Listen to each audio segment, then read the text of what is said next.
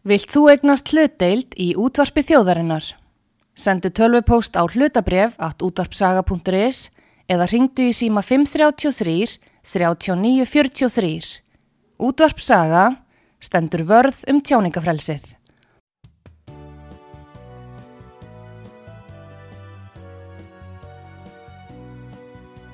Sýteðis útvarpið á útvarpi sögu í umsjón Pétur Skunlökssonar.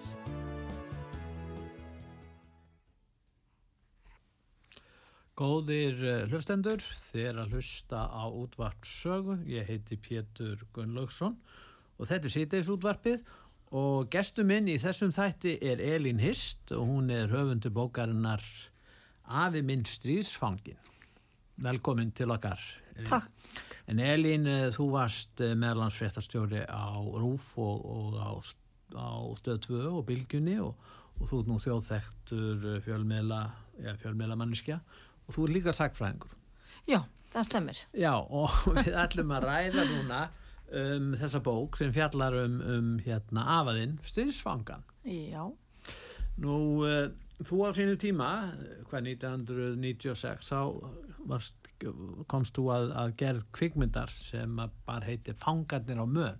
já, Þetta, þessi bók þín, Afi minn stýrsfangin, fjallar um svona mestu leitum tímabilið svona frá 1940 til 1947 en þú fjallar líka um fjölskyldu lífið og sem er nær út fyrir þann ramma. já, ég raun og veru fer fram, í, fram og tilbaka í tímadaldu. Ég sérst aðal, kannski sögusviðið er frá 1940 til 47 Já, en það er líka ýmislegt sem gerist eh, fyrir þann tíma og, og eftir þann tíma sem að í raun og skipti máli í, í þessari sögu. þú ert í raun og verið að lýsa sko fjölskyldu lífi afaðins, að segja fjölskyldu tengslum hans við Þískaland Já, á tímum uppgangi nazismans já, já, og þetta er náttúrulega og síðan kemur hann yngað og starfar hér og, og uh, ammaðinn sem er nú íslensk. Og hérna þú talar þetta mjög fallega um hana, hún er verið hæfileikar í kona Já, takk fyrir það. Já, já, ég hérna, mér þótti afar væntum afa minn og ömmu og, og hérna, og, og þykir líka afar væntum að, sem að, að rifja upp hérna þessa, sem sagt, ég komur að segja, ættarsöguna, má Já, segja, og tegið sér til nokkur að, að hérna, landa. Af, afi er náttúrulega þjóðveri og það hérna kemur grein ættarinnar og Já. síðan um, var um, langama mín og langafi þau voru bæði vestur Íslendingar Já, og, og, en sem sneru heim til Íslands. Já, þannig að sagan uh, tegir sér þangað og, og þangað tegir ættin sér líka. Er en þetta er orðið svolítið alþjóðlegt já, en er erfitt þú sagfræðingur, er erfitt að fjalla um svona fjölskylduna og vera hlutlaus ef við orða það þannig? Uh, já, ég myndi segja að það væri frekar erfitt, eðli málsins samkvæmt. Já, Ég þarna, tek það nú fram í uppafi að þetta sé persónuleg saga mín og, og að fólk verði að hérna, þeir sem lesi hérna uh, séu hérna, hérna séu það með það uh, uh, á hreinu að, semst, að þarna er verið að túlka oft sko persónulegar skoðanir og það gæti verið að væri einhver, eitthvað misminni hjá einhverjum. Ég held samt að það, það, það eigi ekki að vera. En eins og segi, hún getur ekki staðist kröfur svona um vísindarlega reitgerð, þessi bók. En það er samt uh, hérna uh, hérna þú gerir, ert með tilvísanir Já, í bókinni og þetta, Já, ég- þetta, er, þetta er mjög vandað og nafnaskrá? Já, ég reyndi að hafa þetta já. eins vandað og, og mér var kostur. Og ég sé líka að þú tilengar barnabönnu þínum. Bók, það mynd af þeim hérna mjög falli mynd af þér og, og með, með hérna barnabönnunum Já, það, það er indislegt að, að hérna, tilenga bókina þeim. Þau hérna. Nú, það sem gerist er er það að, að afiðin, hann er þjóðveri og uh, brettar koma hingað í april eh, 1940 og þar er ekki eins og stefna að allir þeir sem að eru, já, taldir vera þjóðverar, þeir eru handteknir Já, og voru fluttir til Bretlands. já þetta gerist Kanski byrjum á því, þetta gerist í sko, Þetta þeir gerist- komi í april og hann er handtekinn held ég í júli. Já, þe- þeir koma 10. mæ Já, koma breytanir stíð á land eh, 10. apríl- mæ Já, 10. mæ, já. og hérna og þá faraði strax uh, inn á tungötu og það sem að þýski ræðismæðurinn hafði aðsettur og með fjölskyldu sína og starfsfólk og hann taka alla þar síðan faraðir á hótel í Reykjavík þar sem að skipverjar af þýsku skipi sem að hétt Bæja Blanka hafði farist við Íslandslendur uh, voru uh, dvöldu og höfðu dvalið í nokkra vikur og, og menn höfðu ágjörð því að þetta væri svona einhvers konar nasista sella uh, sem að Voru þeir það? En menn hafa svona komist að þeirri niðurstöðu að þeir hafi ekki verið það en, en, en menn voru ansi óttasleiknir og, og töldu, töldu sig hérna, sjá í mismerkjum að þessi menn hefðu eitthvað hérna eitthvað illt í huga en, en, en eins og ég segi það hefur ekkert komið fram sem að sýnir fram að það. En þeir voru alltaf handteknir. Síðan voru, voru nokkrir þjóðverjar sem, sem áttu hér heimili handteknir líka. Já, og svo fram til, uh, fram til júli þá var verið að taka svona einn og einn. Já, og um, svo hérna 5. júli þá var ákveðið að, að taka þá, þá voru held ég yfir, rúmlega 20 þjóðverjar handeknir og Það þá var eiginlega búið að handtaka þá alla. Já, það virðist vera sumir hafi hérna á Íslandi með sko sem talið að þjóðverjar gætu væri þá nazistar. Og, og, og, og svo breytarnir líka og þeir hafa gengið út frá því. Og þá, þá er fyrsta spurningin var hann afið því nazisti? auðvitað. Já, nei, hann var það ekki. Hann hafði lítinn eða engan á stjórnmálum. No. og um, hann var mikið náttúrubatn og hafði gaman að því að búa til hluti og smíða og, og hann, hann, var, hafði líka bara gaman að því að af lífinu, hann var bara lífsglæður og, og góður maður mjög. Og, um, og þau hefur voru bæði amma og afi, þe þeim stóð stykkur af gerlak og starfseminni á tungutinni En þau fóruð þangað í heimsókt hann? þau fóruð þangað í heimsókn og, og reynda að sækja um, einhverjar af þessum samkomum sem voru þarna mm. en þess að það var gengið mjög stíft eftir því að þýsk íslenska fjölskyldur tæki þátt í starfseminni Gáttu nokkuð gert en menn gerðu það ekki ekki nema þjóðverið hefði hert ekki landi hér og menn ættu vona því að hverju heimdar aðgerðu þá. Nei, já, nákvæmlega en, en ég held að amma og afi sagt, eh, hafi reknað það út þannig að það geti komið sér illa fyrir til þess fjölskyldurna þeirra í Þýskalandi. Já, ef að þau síndu e- engan lit já, og hérna og þannig að þau gerðu það og, og hérna svona eins lítið og hægt var en, en fannst það ekki þægilegt En Karl Hirst afiðinn, hann kemur til Íslands vegna þess að kreppa í Þískalandi eftir fyrrastríð. Og uh, síðan er aðdeglisvert að, að uh, fadir hans, Max, Já, bjó áfram auðvitað í, í, í, í hérna, Þískalandi og þegar að uh, ammaðinu að við heimsækja hann, þá virðist hann hafa mjög gott og þá er uppgangur í Þískalandi og þá höfðu nazistatinn tekið völdin og þá var efnahagslegur uppgangur sem að fólk virðist hafa tekið undir og kemur fram í bókin. já þau fara í heimsók til Þýskalands 1935 og í ágúst og, og þá er afi búin að vera búa á Íslandi í fimm ár og hann verður mjög hissa þegar hann kemur til Þýskalands eftir hann tíma hvað hlutinir hafa breyst og, og þjóðum virtist, virtist vera miklu bjart og það var svona léttara yfir öllu og, og efnahagslífi, hjóla efnahagslífi sem voru farin að snúast að nýju langafi minn Max, hann var um, hann var ekki nazisti, var það? Uh, nei, hann var það ekki En hann var engin anti-nazisti eða... Nei, sko á hann- þessum tíma, svo ég útskýri það, þá, þá var Hitler orðin einræðis herra Já. og, og nazistaflokkun réði öllu og það var beilin skild að vera í flokknum. Já, Þannig að til dæmis systur Ava, uh, sérstaklega yng, yngsta systir hans, hún var til dæmis í Ísl, uh, Hitlers Jugend, Já. æskulis fylkingu nazista já. Og, og nazisminn var alveg farin að tegja sig hérna, mjög víða og líka inn á þeim, þeirra heimili.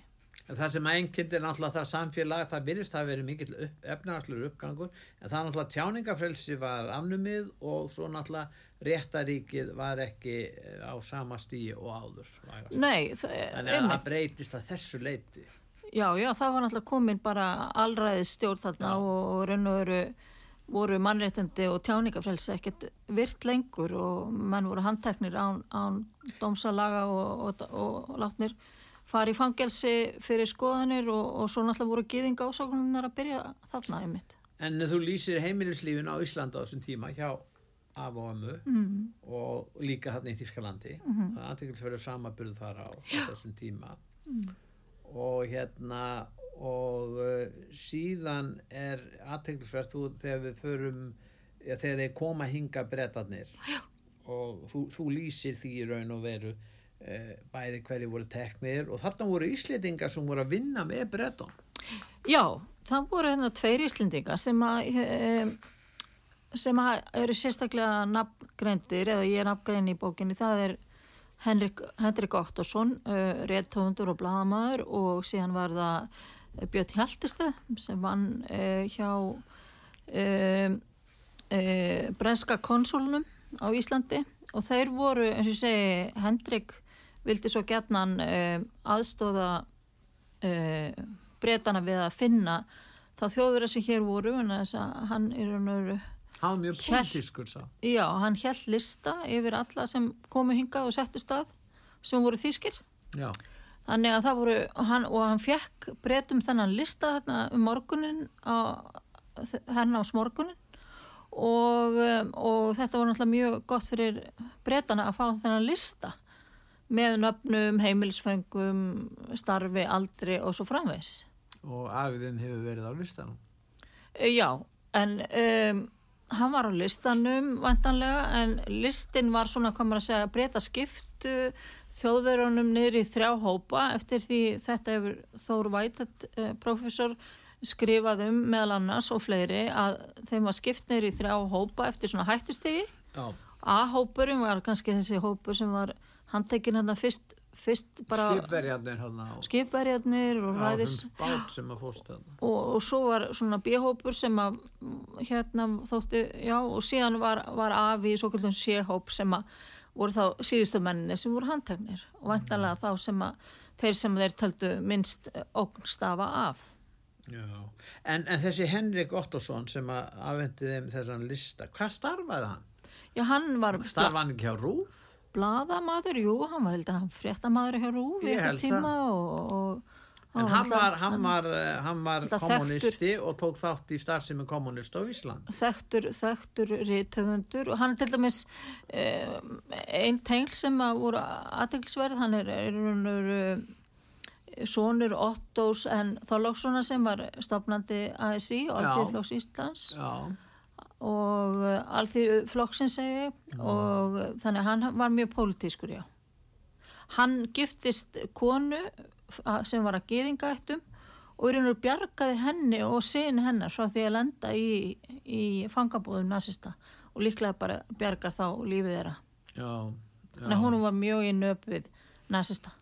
Já, svona verðist það að verið mikil heft af hans sálfu, enda er hann að sapna þessum listum, en hann hefur svo litið á að þjóðverja væru bara nazistar og séð ástæði til þess að, að búa til lista yfir þá sem að voru hér. E, Já, já, það má alveg hérna spyrja sig hvað hva, hérna, hvers vegna hann var að þessu en, en hann gerði það og hérna uh, en svo segi ég frá því reyndinni á einu stæði bókinni að, að sjálfum Hendrik blöskraði þegar var farið að taka þá alla vegna þess að hann vissi þetta sem var að þeir voru ekki allir nazistar sko Nei. því fór fjari Nei, nei. En það var sko, ef við lítum á þetta tímabil, þá var náttúrulega svona reyfing þjóðirni sinna sem að lagðist af svona, sennilega 37-8 líklega. Mm -hmm. En uh, það var náttúrulega löngu áður en menn vissu neitt um þessar ofsóknir sem að eru síðar. Já, mennur gefinga og, og svona sko sem ég, voru ekki byrjaðar af alvöru fyrir en það fóru að líða stríðinu. Sko. Það vissi eitthvað bara því áður. Já, ef sko geðinga ofsögnuna, ég held að, ég held að næstum tóst að halda þeim ansi hérna hvað maður að segja, þeir gáttu farið í fjölu með, Já, menn gáttu sagt þeir máttu fara úr landi og skilur þeir sem vildi ekki vera þar Mhm. -hmm. og síðan var náttúrulega en það er náttúrulega versnaði og sérstaklega eftir stríðin bröst út og já. voru þeir ásóttir og Já, settir í pangabúðir og, og dauðabúðir og allt það en hérna þannig að eh, já, en uh, síðan er, er þessi fangar fluttir til Bretlands og eins og ég gætum áðan þú var- komst að þessari bíómynd fangarnir á möðun, þannig að þú þekkir svolítið til Já, hvernig ástandi var í fangir segðu okkur frá þessu svo. já, ég, ég hérna, gerði heimildamind árið 1996 sem var svo sínd á RÚF 1997 sem hétt Fangatir á mön og eftir samlemdir er viðgerð eftir Snorraki Bergson sagfræðing og uh, þá fór ég til banar og, og skoðaði kringustæður og uh, sem var mjög aðteglisvert og ég hitti líka mannanafni Henrik Hjöler í Kíl sem var einn af þessum föngum. Já, og tók viðtal við hann og hann, en þá lífið þá? Þá var hann ennþá lífi eitt kannski fárra Já. fyrirvændi fanga sem voru á lífi já, þannig að það var mjög mikilvæg heimild fyrir mig og ég nota ymmit ímislegt upp úr þeirri mynd í bókinni já já, já, já, já. Og, en hvernig var ástandi þarna í þessum fangilsum uh, uh, hérna mm, hvernig var meðferðin Ég held að þau hún hafi bara verið nokkuð góð. Ég held að brettar fóru nokkuð vel með þessa menn. Uh, þetta voru, þetta voru, mön var sumar dvalarstaður bretta já, og þarna voru mikið að gistihúsum og þeim var breytt í fangabúður. Og já gistihúsunum altså. þannig að Gistihúsum. fang, fangilsin voru gistihús, gistihús já.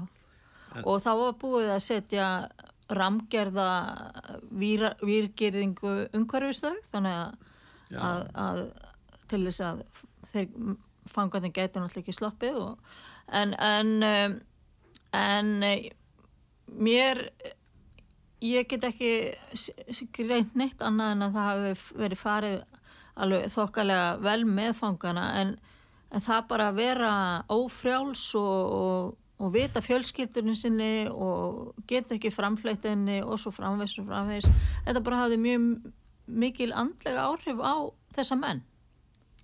En, en uh, sko þessir fangar eru þeir uh, sko þetta hafði alltaf áhrif á andlegt ástand þessara fanga að vera svona lokaðir að. Voru þeir, voru þeir beitti pyntingum einhverju leiti, veistu eitthvað um það? Hefur eitthvað heyrta frá fjölskyldum? Ekkert slikt, ég hef ekki heimildir og neitt Já, slikt þeir hafi fangir svona ekki verið offsóti vegna að þeir voru sagaður um að vera nazistar og, og ekki, þurft ekki, að finna fyrir því. Ekki, ekki sem ég uh, veit um að minnst kosti en síðan fór, þegar fór líð á stríði þá um, þá fenguður kannski aðeins meira svona frelsi þeir fengu að fara að vinna á bóndabæjum í nágrenninu og þá kom Já. bóndin og, og sótti það á mótnana og síðan fenguður þeir að vinna fyr, á daginn og, og síðan var komið með þá heim síðdeis já, já, já. Þannig að það hefur nú öruglega hérna létt þeim lundina að geta hérna skiptum umhverfi og hitt, hitt fólk og, svo framvis.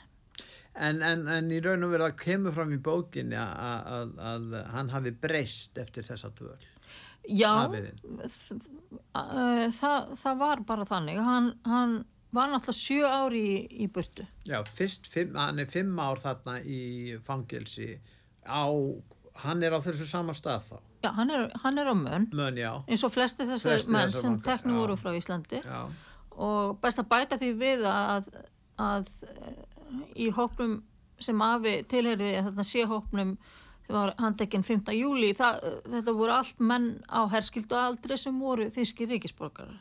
Já. Og um, um, þannig að já, já, þannig að þe- þetta var. Já, en hann, hann, eh, hann breytist þá, þannig að, að það hefur eitthvað gerst þá í raun og veri, við getum náttúrulega að tala um aðskilna frá fjölskyldunni í svona langan tíma, fyrst fimm ár í Bretlandi og síðan eru sendið til Þískalands já, og það var mjög sérkennilegt mál og mörguleiti að þá hefst ný barátta um að fá uh, hérna, þjóðverjan aftur til Ísland sem vildu koma hann á borð. Já, og uh, það var pólitísk deila innan ákveðna ríkistjórnar svo kallar nýsköpunarstjórnari en í henni sátu sjálfstæðismenn, sósialistar og uh, Alþýðuflokksmenn? gratarnir já, og finnur þessi Jónsson dómsmálur á þeirra sem var grati já og, og, og Ólafur Toss var þá fórsýtisráður. Já, og utanríkisáttur. Já, og hérna, segðu okkur frá þessu maður. Já, sko, fyrst að því að afi hafi breyst, að, já, hann var, var eins og, ég segi, sjö ári burtu og þegar hann kom tilbaka þá var hann, hérna, ekki þessi glaði, lífsglaði, káti, opni, opni maður, hann var meira svona tilbaka, held sér til hlýðas, það var eins og hefði kannski eitthvað brotnað hérna, inn í honum. Já, og um, en um, stjórnmálun á Íslandi það er alveg sér kapitúli vegna þess að, að 1945 með- þegar á að þegar stríðun líkur og þá á að er búið að loka fangabúðunum þá fóru brettar þess að leit við Íslensk yfirvöld að þeir tæ, þau tæki við mönnunum aftur já, enda áttu þeir hér heimili og fjölskyldur já. en þá neituðu stjórnvöld því og, og Stjórnvöld á Ísland. já, Það er að segja, þá hefur, það þurft að fá samþykki bæði dómsmálar á þeirra og auðvitað, var, voru þá, var stjórnin sammál um það að þeir ætti ekki að koma aftur til Íslands? Nei, um þetta var hérna mikil, mikil ágreiningur innar ríkistjórnarinnar, nýskupna stjórnarinnar mm.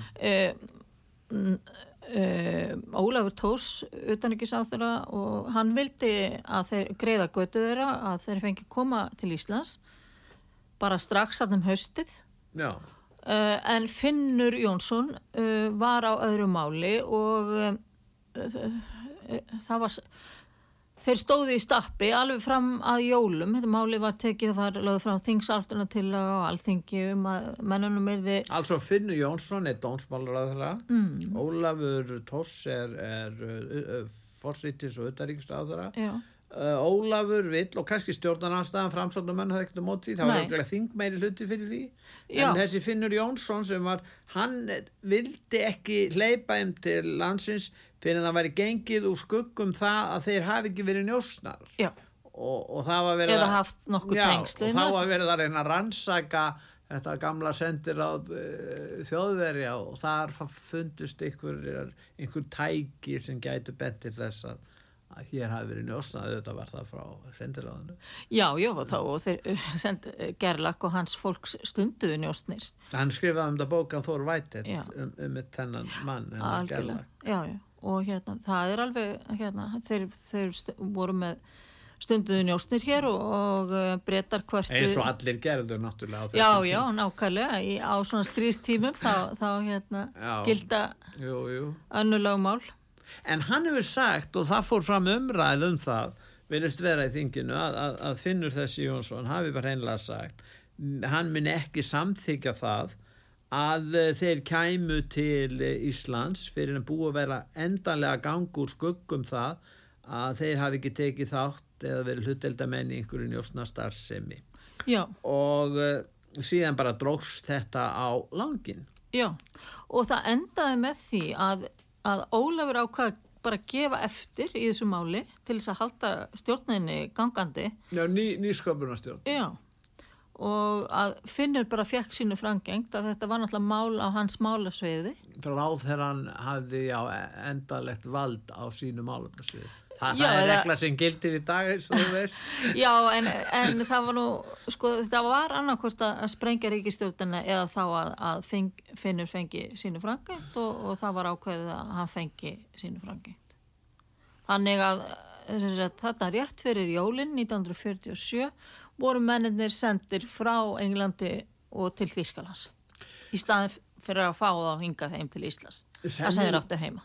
Sennilega hefur verið talsverður ágreiningur á þessum tíma eftir stríðslokk í pólitíkin á Íslandi hvernig nátt að taka á til dæmis fyrirverandi nazistum Mm sem voru íslendingar Mhm. og tengdust jafnvel hátsettu fólki hér á Íslandi og síðan þessum þjóðverjum sem voru bara þjóðverjar og þessuna sagaðir um það að vera nazistar. Já, já, þe- þetta var stórmál hérna í pólitíkinu og, og hérna, það var náttúrulega ljóst og kemur fram sko, það var, en það var eina pólitísk klopningur vegna þess að, að þjóðviljin og sósialistarnir þeir hötuðust mest út í, út í nazistana má segja þó allir hafi nú gert það líka þetta líðræðisflokkarnir líka já, já, en, en þarna var meiri heft út í, út í þetta já. En það, eh, sko, bæði breytar og bandarækjumenn. Breytar náttúrulega höfðu hérna verið uh, hér með herstjórn frá, uh, í upphafi og síðan tóku bandarækjumenn við og Já. bæði breytar og bandarækjumenn voru spurðir álits á því hvað, hvað, hvað þeir vildu að eru gert við þessa menn og, og, vo- og það var einhugur með þeirra um að þeir fengi að snúa aftur til Íslands. enda var það þannig að bandaríkjamenn vildu hafa, sko, þátt að byggja upp Þískaland aftur og þeir vildu ekki, vildu bara þetta væri búið þessu lokið. Já, það til dæmis var á breska herrstjórnarsvæðinu, hann Kíl sagt, var á breska herrstjórnarsvæðinu þannig að, hérna, þannig að hann þurfti að fá leifi hjá bretum til þess að yfirgefa Þýskaland svo setna sem ekki fegst vegna þess að e, íbúar Þýskalands bara voru í ferðabanni þeir máttu ekki fara, frá, fara úr landi á þessum tíma meðan að mesta uppbyggingin já. já, var í gangi sko. Þannig að það hefur verið svona farban ríkjandi á þessu stríðs eða stvæði sem hafði, stríðið hafði verið já, á sínum tíma. nákvæmlega En það er líka andeglusvert uh, hérna, Elín, að uh, þessi nýsköpunarstjórn, hún springur út af svo kalluðu herstöðamáli. já, Uh, 46 líklega mhm, og, uh, og Ísland hafði verið óháð og hlutlaust, átt að vera hlutlaust uh, bara eilífu, hlutlaust ríki uh, þegar að við öðlust sjálfstæðu fullveldi 1918 mhm, við erum þá og þá er gefin út yfirlýsingum að þetta Ísland hefur hlutlaust ríki. Mhm, síðan kef, hef, upphefst þetta og nýsköpunarstjórnin hún fellur á þessu. Mhm, og síðan hefist þessar, þessar, þessi átök sem stóðu yfir áratöðu saman. Já. Um Keflavíkur samningi a- einmitt. Og þarna tók við ríkistjórn þetta fórustu Stefáns Jóhans uh, alþjóðflokki sem var svo kalluð því skemmtilega nafni Stefania já, í höfuð á honum. Já, og, um, og þá tók Bjarni Bendisson við bæði dónsmála ráðuneytinu og utanrikisráðuneytinu já, og hann, og þá er að segja Bjarni Bendisson eldri, já, og hann tók bara allt annan pól í hæðina. En, en, já hann tók sömu stefni eins og Ólafur hefði vilja já, gera Já, og saði bara, letu bóð ganga að menninni mættu koma til Íslands. En þá var það uh, þrautinni þingri að komast vegna þess að þá voru þeir í farbanni í Þískalandi. já, já, já Þannig að þeir tók upp á því og þetta hefur Snorri G. Bergson, sagfræðingur, skoðað mjög vel og, og ritað um og þeir tók upp á því að, að strjúka. þannig að það var ólulegt já, Já. og þeir kom, fóru komið hinga á hvað, íslenskum tóðurum það Já, eða, já, eða, eða erlendum tókurum, bara þeir náðu, þeir sérst tókst að húka sér far, ef Já. maður notar það Já. með tókurum yfirleitt. Og en hafði ekki Bjarni mitt skrifað í brefi að hann myndi ekki gera neina aðdóðsendi við það? Ef, ef þessar legleysir ættu sér stað og hann að borð og þeir myndu umbera það að þá myndi Íslands stjórnir sætta sig við það Nákvæmlega, nákvæmlega, það nákvæmlega þetta sem að hann let þessi búið ganga. já, já, Afi kom með uh, uh, tógara til Patrísferðar uh, í þetta ágúst uh, 1947 já, og uh, síðan þurfti hann að það var engin akvar vegur til Reykjavíkur. Nei, þannig að hann þurfti að fara með sjóflugvél sem lenda á Patrísferði og tók farþega þar og, og, og kom svo til Reykjavíkur lóksins og, og þá urðu sem sagt ógleymanlegir uh, fagnaðafundir þegar fjölskyldan var saminuð aftur eftir sjö ár. Hvaða áhrif hefur þetta hefur, hafði þetta lengi áhrif innan þinnar fjölskyld þetta mál? Uh, já, ég myndi segja það ég, að þeir, þau, þetta hafi haft lita mjög líf þeirra ömmu og afa, sérstaklega og líka uh, svona þeirra. Og amma mín, hún var mjög opinská um þessar hluti og, og, og vildi tala um þá, afi vildi það síður. Og um, amma var í raun og veru, maður fann það, að hún, hún var reið og sár yfir þeirri meðhöndlum sem þau hefðu fengið um, alla æfi. Það var mjög ofalega í hennar huga alla tíð. hvað með fransiskin þín í, Þískalandi voru þeir, eru þau ekki mörg? Fjallu, fjallumarkur í stríðinu á þeim vissur það? Jú, uh, ég veit það ekki nákvæmlega en, en uh, frændgarðurinn er svona nokkuð stór og það voru góð tengsl lengi vel meðan af, af og amma voru á lífi Já. og síðan var ég nú svo lánsum að hitta þau um, sískinni afa þegar ég fór til Þískalands í tengslum við Og þau hafa lifað stríðið aft. Já, þau gerðu það. Já. og um, tengslum við uh, heimildamöndina fangarnir á mönn og það var náttúrulega alveg ógleymaleg stund að hitta þau en síðan hef, hef, hef ég því miður svona mistaldi tengslinn við, við þau.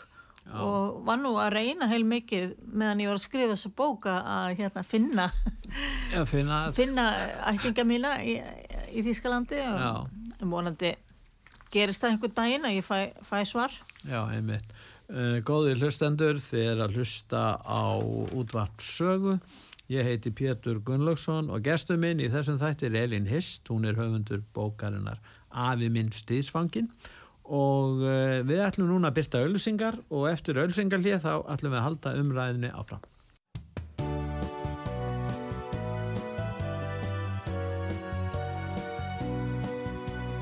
Síðdeðis útvarpið á útvarpi sögu í umsjón Pétur Skunlökssonar.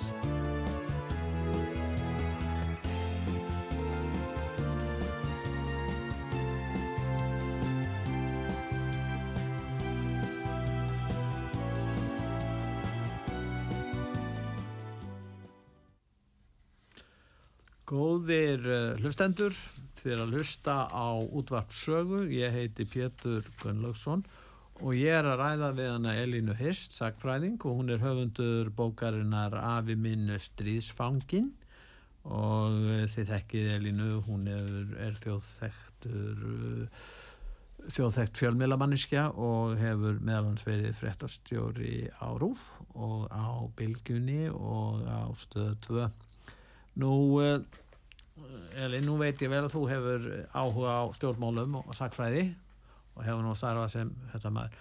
Hvað finnst þér? Finnst þér þú hafa þegar þú skoða þetta tímabil? Mm. Æði, þú varst að gera bíómyndina og, og hvað finnst þér aðtiklisverðast þegar þú varst svona að skoða þessi mál?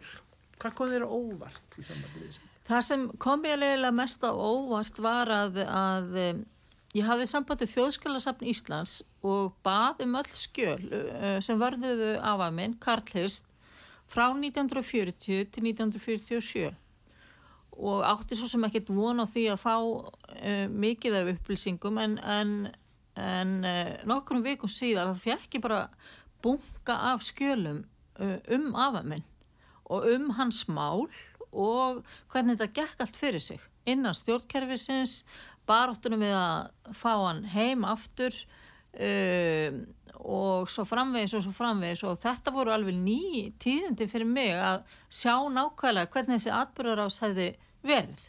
Og það kom mér bara virkilega óvart. Og það var eiginlega kve, svona megin kveikjan að bókinni, ég sagði mér og ég kom með þessi skjöl í hendur, frábæra skjöl, svona út frá heimildasjóna með skjöl í hendur og ég var bara að koma þessu uh, á bók og gefa þetta út og um, ég gerði það.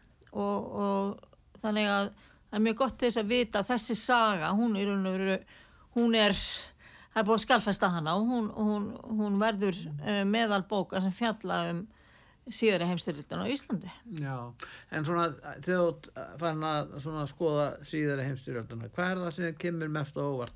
Nú náttúrulega eru, sko þannig að hann talað um það síguvegarinn, hún stjórnar sögunni Mm. og þú nú þekkir það sem fræðingur að menn tala um það. Já. En hefur komið þér, það er ímislegt þarna er greint frá því þegar að afiðinn og amma fara til Þýskalands Uh og þeir sjá mikla, það, þau sjá mikla breytingar eftir, eftir hörmungarskeið frá síðari, fyrir, frá fyrir heimstyrjöld Mhm. og þá er allir nú komið þarna einn ræðisherra og, og sennilega hérna hataðist maður allra tíma sennilega eins og er í dag með skosti en þannig er gífurlegur uppgangur. Já, og mikið lífskjör og, og fólki virðist vera bara mjög ánægt með það. Já, já, eins og ég kom inn á áðan, þá amma, hún skrifaði alltaf mjög mikið og, og þannig 1935, þegar þau ákveða að fara og heimsækja fjölskyldu afa, þá heldur hún ferða dagbók og þessa bók fann ég fyrir bara eiginlega algjörða tilvilin í gamlum kossum uh, sem þau höfðu skilið eftir sig með gögnum. Já. og þetta var náttúrulega bara eins og finna fjársjóð sko fyrir mig sem rithöfund að skrifa þessa bók. Já. og amma var náttúrulega mjög rithfær manneskja og, og, og hún er að lýsa þessu öllu saman hvað, hvernig þetta kemur henni fyrir sjónir og, og, og það bara hittist nú þannig á að í águst 1935 þegar þau eru í Kíl það sem af er fættur og uppalinn þá kemur sjálfur fóringin Hitler Adolf Hitler til til Kílar. Já. og þau náreindar ekki að sjá hann með eigin augum en, en það er svo mikil mannþröng að, en þau uh, hjó, fara í hjó, hjólatúr uh, uh, og á eftir og um þar götur sem hann hefði ekið. Og þar var allt blómum stráð vegna þess að, að þjóðverjar voru, voru að hylla fóringjan með blómum með því að kasta eh, blómum á, yfir bílnars Ég ætla að aðtegla að þú að að- lýsa þannig að þessu. dýrkunin var, Já, var svo mikil, mjög mikil sko. það er ekki slík dyrkun á stjórnmálamönnum í dag þeir fengi engi blóm þannig að þetta er svolítið sérkennlegt þegar maður hörsa til þess Já. það hlýtur að vera mjög slæmt ástandið Já, sem að réttlætir þetta hvernig fólk tók þess á sínu tíma Já, já. Kíl var auðvitað staðið það sem að það búin til aðstæði fyrir kafbáta og mikil uppbygging flota, Flotans þarna. Hitler var einmitt þarna í þeim erindagjörðum meðal annars að, skoða skipasmíða og kapata smíða Já, stöðin í Kíl mm. og, um, og já, já og, og amma og afi sem sagt fóru, fóru þarna í kjölfar hans sem sagt og týndu upp blóm, segir amma í ferðardagbókinni og gáfu systur afa, eldri systur afa því að hún væri svo óskaplega hrifin af Hitler. já, já Þannig að þannig var nú bara sagt, stemningin Demmingin á þeim tíma já, sko. í Þískalandi. Já, já. Nú hérna, en uh, varðandi hérna, finnst þér einhvern veginn að eftir því sem að þú uh, kynniði betur þetta tímabil sem að ég er ekkert vissum að menn fá, fá sínur upplýsingar úr bíómynd, það er svo mikið fjallað um þetta í kvikmyndum og bíómyndum hefur það haft áhrif á afstöðina til þessa tímabils þessi meiri þekking á þessu og uh, kemur þið, kemur þið slett og óvart eins og þú varst að segja núna? Því að þannig ólíklegt að fólk hafi vitað og trúa því að, að, að móttökurnar sem að Hitler fjekk og, og hans lið hafi verið svona með þessum hætti? Nei, þetta, þetta er náttúrulega, þetta er jarðvegur sem að, þarna er... þannig að eh, við erum að tala um fjölskyldu sem tengdist sko afaðínum Mm. og, og þannig að þú ert bara að slýsa því sem að kemur fram í dagbókum það sem fólk er að segja það er enginn, þú ert ekkert í pólitík þú ert ekki í áróðri, þú ert bara að lýsa fólki í sínu hverstarslífi Mhm. sem er, hefur engin sérstök völd eða áhrif Nei, nei, er bara að lifa sínu fjölskyldulífi Mhm. og er að lýsa heiminum eins og hann er hjá já, já, já, og, og hérna, þannig, þannig var þetta bara og, og hérna, og flokkurinn tegði sig bara sína ánga eh, allstaðar í samfélaginu og, og á þessum tíma og þannig að, að síðan var þetta náttúrulega bara verra og verra og, og uh, glæbirni sem þið frömdu voru urðu alltaf bírafnir Mm. Já, og eftir bírafnir stríðin alltaf fór alltaf stað Já, svo hóst styrjöldin og En, en hvernig var það með til dæmis afaðinn? Var hann sár út í bretana fyrir að hafa gert þetta? Og til dæmis ammaðinn var nú náttúrulega mjög ósátt við bretana held ég. Amma var alltaf mjög ósátt Já, hún var já. bara ósátt við, við allt þetta Já, bæði ósátt við breytana við, við náttúrulega handtakan hans á Ava var mjög, hvað maður að segja hún var mjög, mjög ógrannlega að því máli staðið vegna þess að breytar það komu þannig þrýr breskir hermenn og hálpartin ruttust inn á þau Já, Það sem að amma var með strákana sína litla í, bara upp í hjónarúmi en var, hermennir hafa trúið því að þetta væru nazistar, skilur. Þegar þeir eru að vinna sín störf, þá er þannig að þeir viti ekkert betur. en þeir náttúrulega grípi tómt af því að afi var farin í vinnuna. En, en þeir komað inn sagt, með byssutna ryttar og, og, og, og sagt, án þess að, að hérna, vera hleyftinn, þeir bara ruttust inn. Já, og voru þá að leita afa og, og, amma og, og drengitin hennar eru náttúrulega flemtir slegin og, og svona þessi uppakoma situr ennþá í sem sagt drengjónum Já, já. Mhm. Það er að segja, já, altså, það að lenda hann í átti tvo, sí, tvo, já, tvo sinni, það er Karl. og Stefan, fæðið minn Já, og, og pappi, eins og segi, hann, hann man hérna, eftir þessu hryllilega atviki sem að hérna og eru þeir svolítið ósáttur út í hvernig breytandur höfðu sér? Eða, eða sumi segi í dag bara hreinlega að það var það stríða í undi, það var komið, það var átökjum voru byrjuð í mæ 1940 og, og stríð er stríð og breytandur hafi komið til til að vel fram gagvart óvinnu sínum. Mér sko segja svo þú lýsir þess á mönn. já, já, já og hérna, og eins og þú segir þá gilda bara allt önnu lögmál í stríði og, og maður hefur svona ákveðin skilning á því vissan skilning að hérna í öryggisskinni hafi verið ákveðið að taka alla þjóðverja bara til þess að sendistöðin um, svo sem að Gellak um, eða hans menn notuðu til að koma að njóstnum til Þýskalands, hún fannst ekki og, og breytar og hefðu bara ágjur af öryggi sinna manna. En nú var þessi Gerlach, hann var svolítið sérstæðið persónleiki, hann var prófessor í læknisfræði, var það ekki rétt um mig? Jú, Hann var mjög vel prófessor í meinafræðum og Já. hérna og hann, Hann var, var mjög harður nazisti þessi ná ekki, var ekki? var mjög harður nazist hann kemur hingað 1939 Já, Já hann var einhver rekin á, það var ekki einhver málfræðingur sem hafði verið hér. það var hann Gunther Tim, Timmermann Já, sem var hér hérna og undan Var, var hann ekki málvísindamaður sá? já hann var nei hann var uh, með minnir að hann hafi verið fugglafræðingur Já, fugglafræðingur, já, já, já, já, já. og, og það svona nazista starfið gekk ekkit ofvel Hann undir hefur hans kannski ekki stjórn verið nú ákveðin nazisti, sko. Nei, líklega ekki og um, var sagt svona í, í, í hálkæringi að hann hefði haft meira, meiri áhuga á íslensku fuglalífi en að koma hérna, nasista reyfingunni á fót hér sko. Þeir reyndu það, það gekk mjög illa. Fyrsta lega komið svona rútibúið frá Þýskalandi og svo komið þarna þjóðöldinsinnatin íslensku sem var annað dæmi. En, en þessi Gerlach, hann var mjög óanæðið með Ísliting, hann hefur skrifað um það. Íslitingar væri svona, talaði frekar illum þá, þau væri svona Já, hann var mjög tækifæri sinnaðir og, og latir í pólitík og, Já, hann var og, mjög og var með óanæðið, skorti allan aga og svona uh, ymmit, hann var mjög Hann hefði trúið því að hér væri svona norrætn úrvalskinnstopp Já, já, sem var nú myndi það sem að taka uh, opnum örmu við, við, við hans penningum og svo frá þannig hann var fyrir vombriðum með það þessi En það var náttúrulega það sem að nasistin heldur því fram að hér byggi úrvals uh, hérna, kyn uh, flokkur Já. norrætna manna á Já. Íslandi en svo kom Gerlach og hann komst að raunum að, að, að þessi að Íslandinga voru bara allt öðruvís en hann hafði ímyndað sér og, og, og var fyrir miklum áblöðum.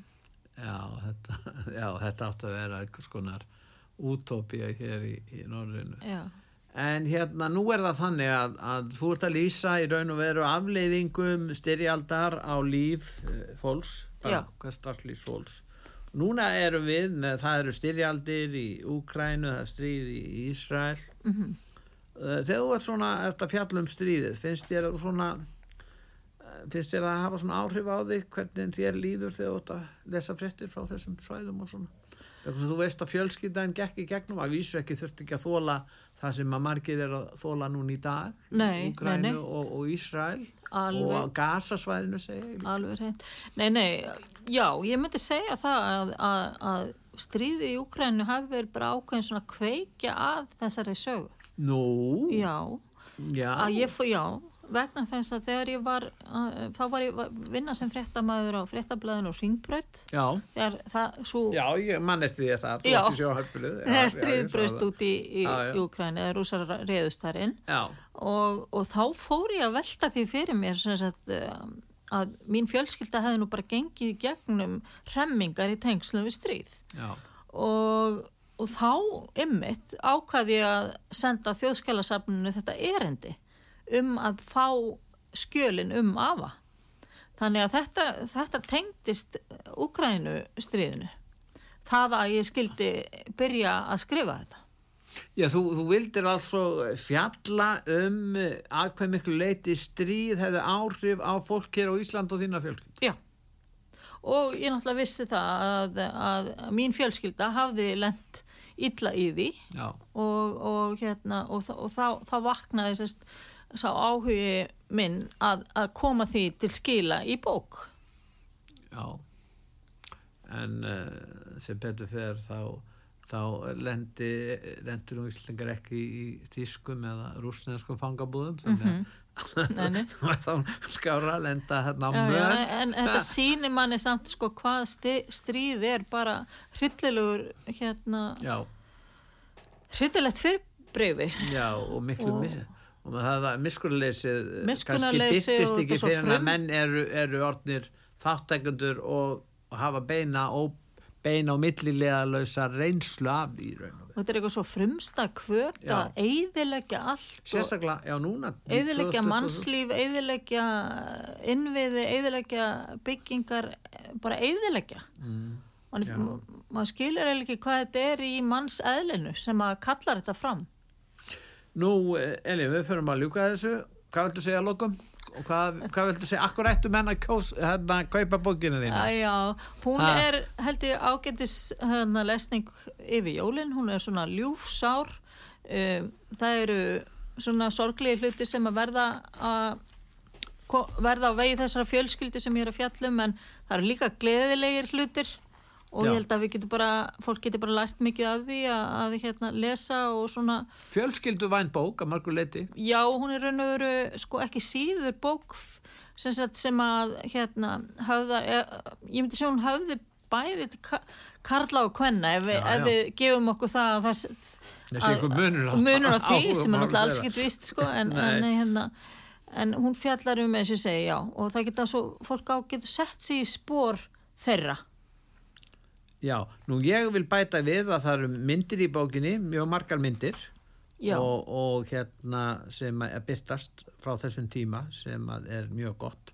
Já. Nú í öðru lagi þá er nafnaskrá mjög vöndu hjá þér, Takk en þetta er sakfræðingur og svo tilvísani líka í Mhm. ritt og annað. Það, er- það er mjög gott að, að hafa það við hendina og ég, það er vandað og þetta er, þetta er góð bók hjá þér, Elín, til hamingi með hana. Já, Gangi og kannski, kannski hérna, benda á það, ég, svo er hérna, ættatré fremst, þannig að kannski svolítið erfitt að átta sig á hérna, hver er hvað og hvernig tengingarnar eru. Já, já, ég sé Þannig að, það. hérna, að, Já, já. þannig að þarna geta menn svona glöggva sig á því.